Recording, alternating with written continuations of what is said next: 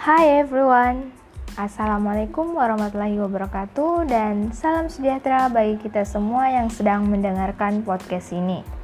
Ada pepatah yang mengatakan tak kenal maka tak sayang, maka izinkanlah saya untuk memperkenalkan diri saya. Nama saya Erika Tirahutami dari SMK Negeri 1 Makassar. Kalian boleh panggil aku dengan sebutan senyaman mungkin.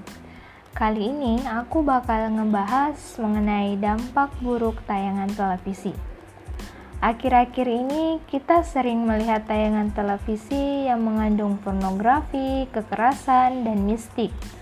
Hal ini merisaukan para orang tua karena tayangan itu jelas tidak baik bagi perkembangan mental anak-anak mereka.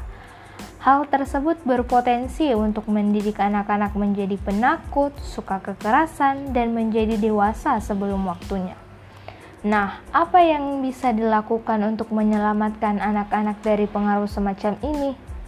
Sebenarnya, ada yang bisa dilakukan tanpa harus menyalahkan stasiun televisi.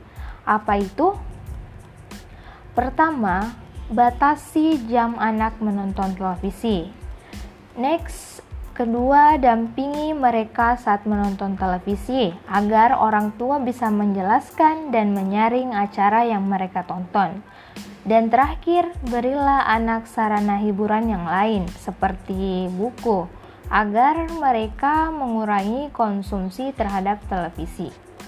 Akhirnya, Penulis juga menghimbau pada pengelola stasiun televisi agar menempatkan acara berbau seks, kekerasan, dan mistik pada jam-jam anak jarang menonton.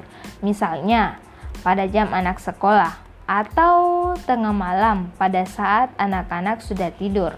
Ingat, televisi sedikit banyak adalah guru yang mudah memberikan pendidikan pada anak-anak. Akhir kata, saya Tami dan selamat sore.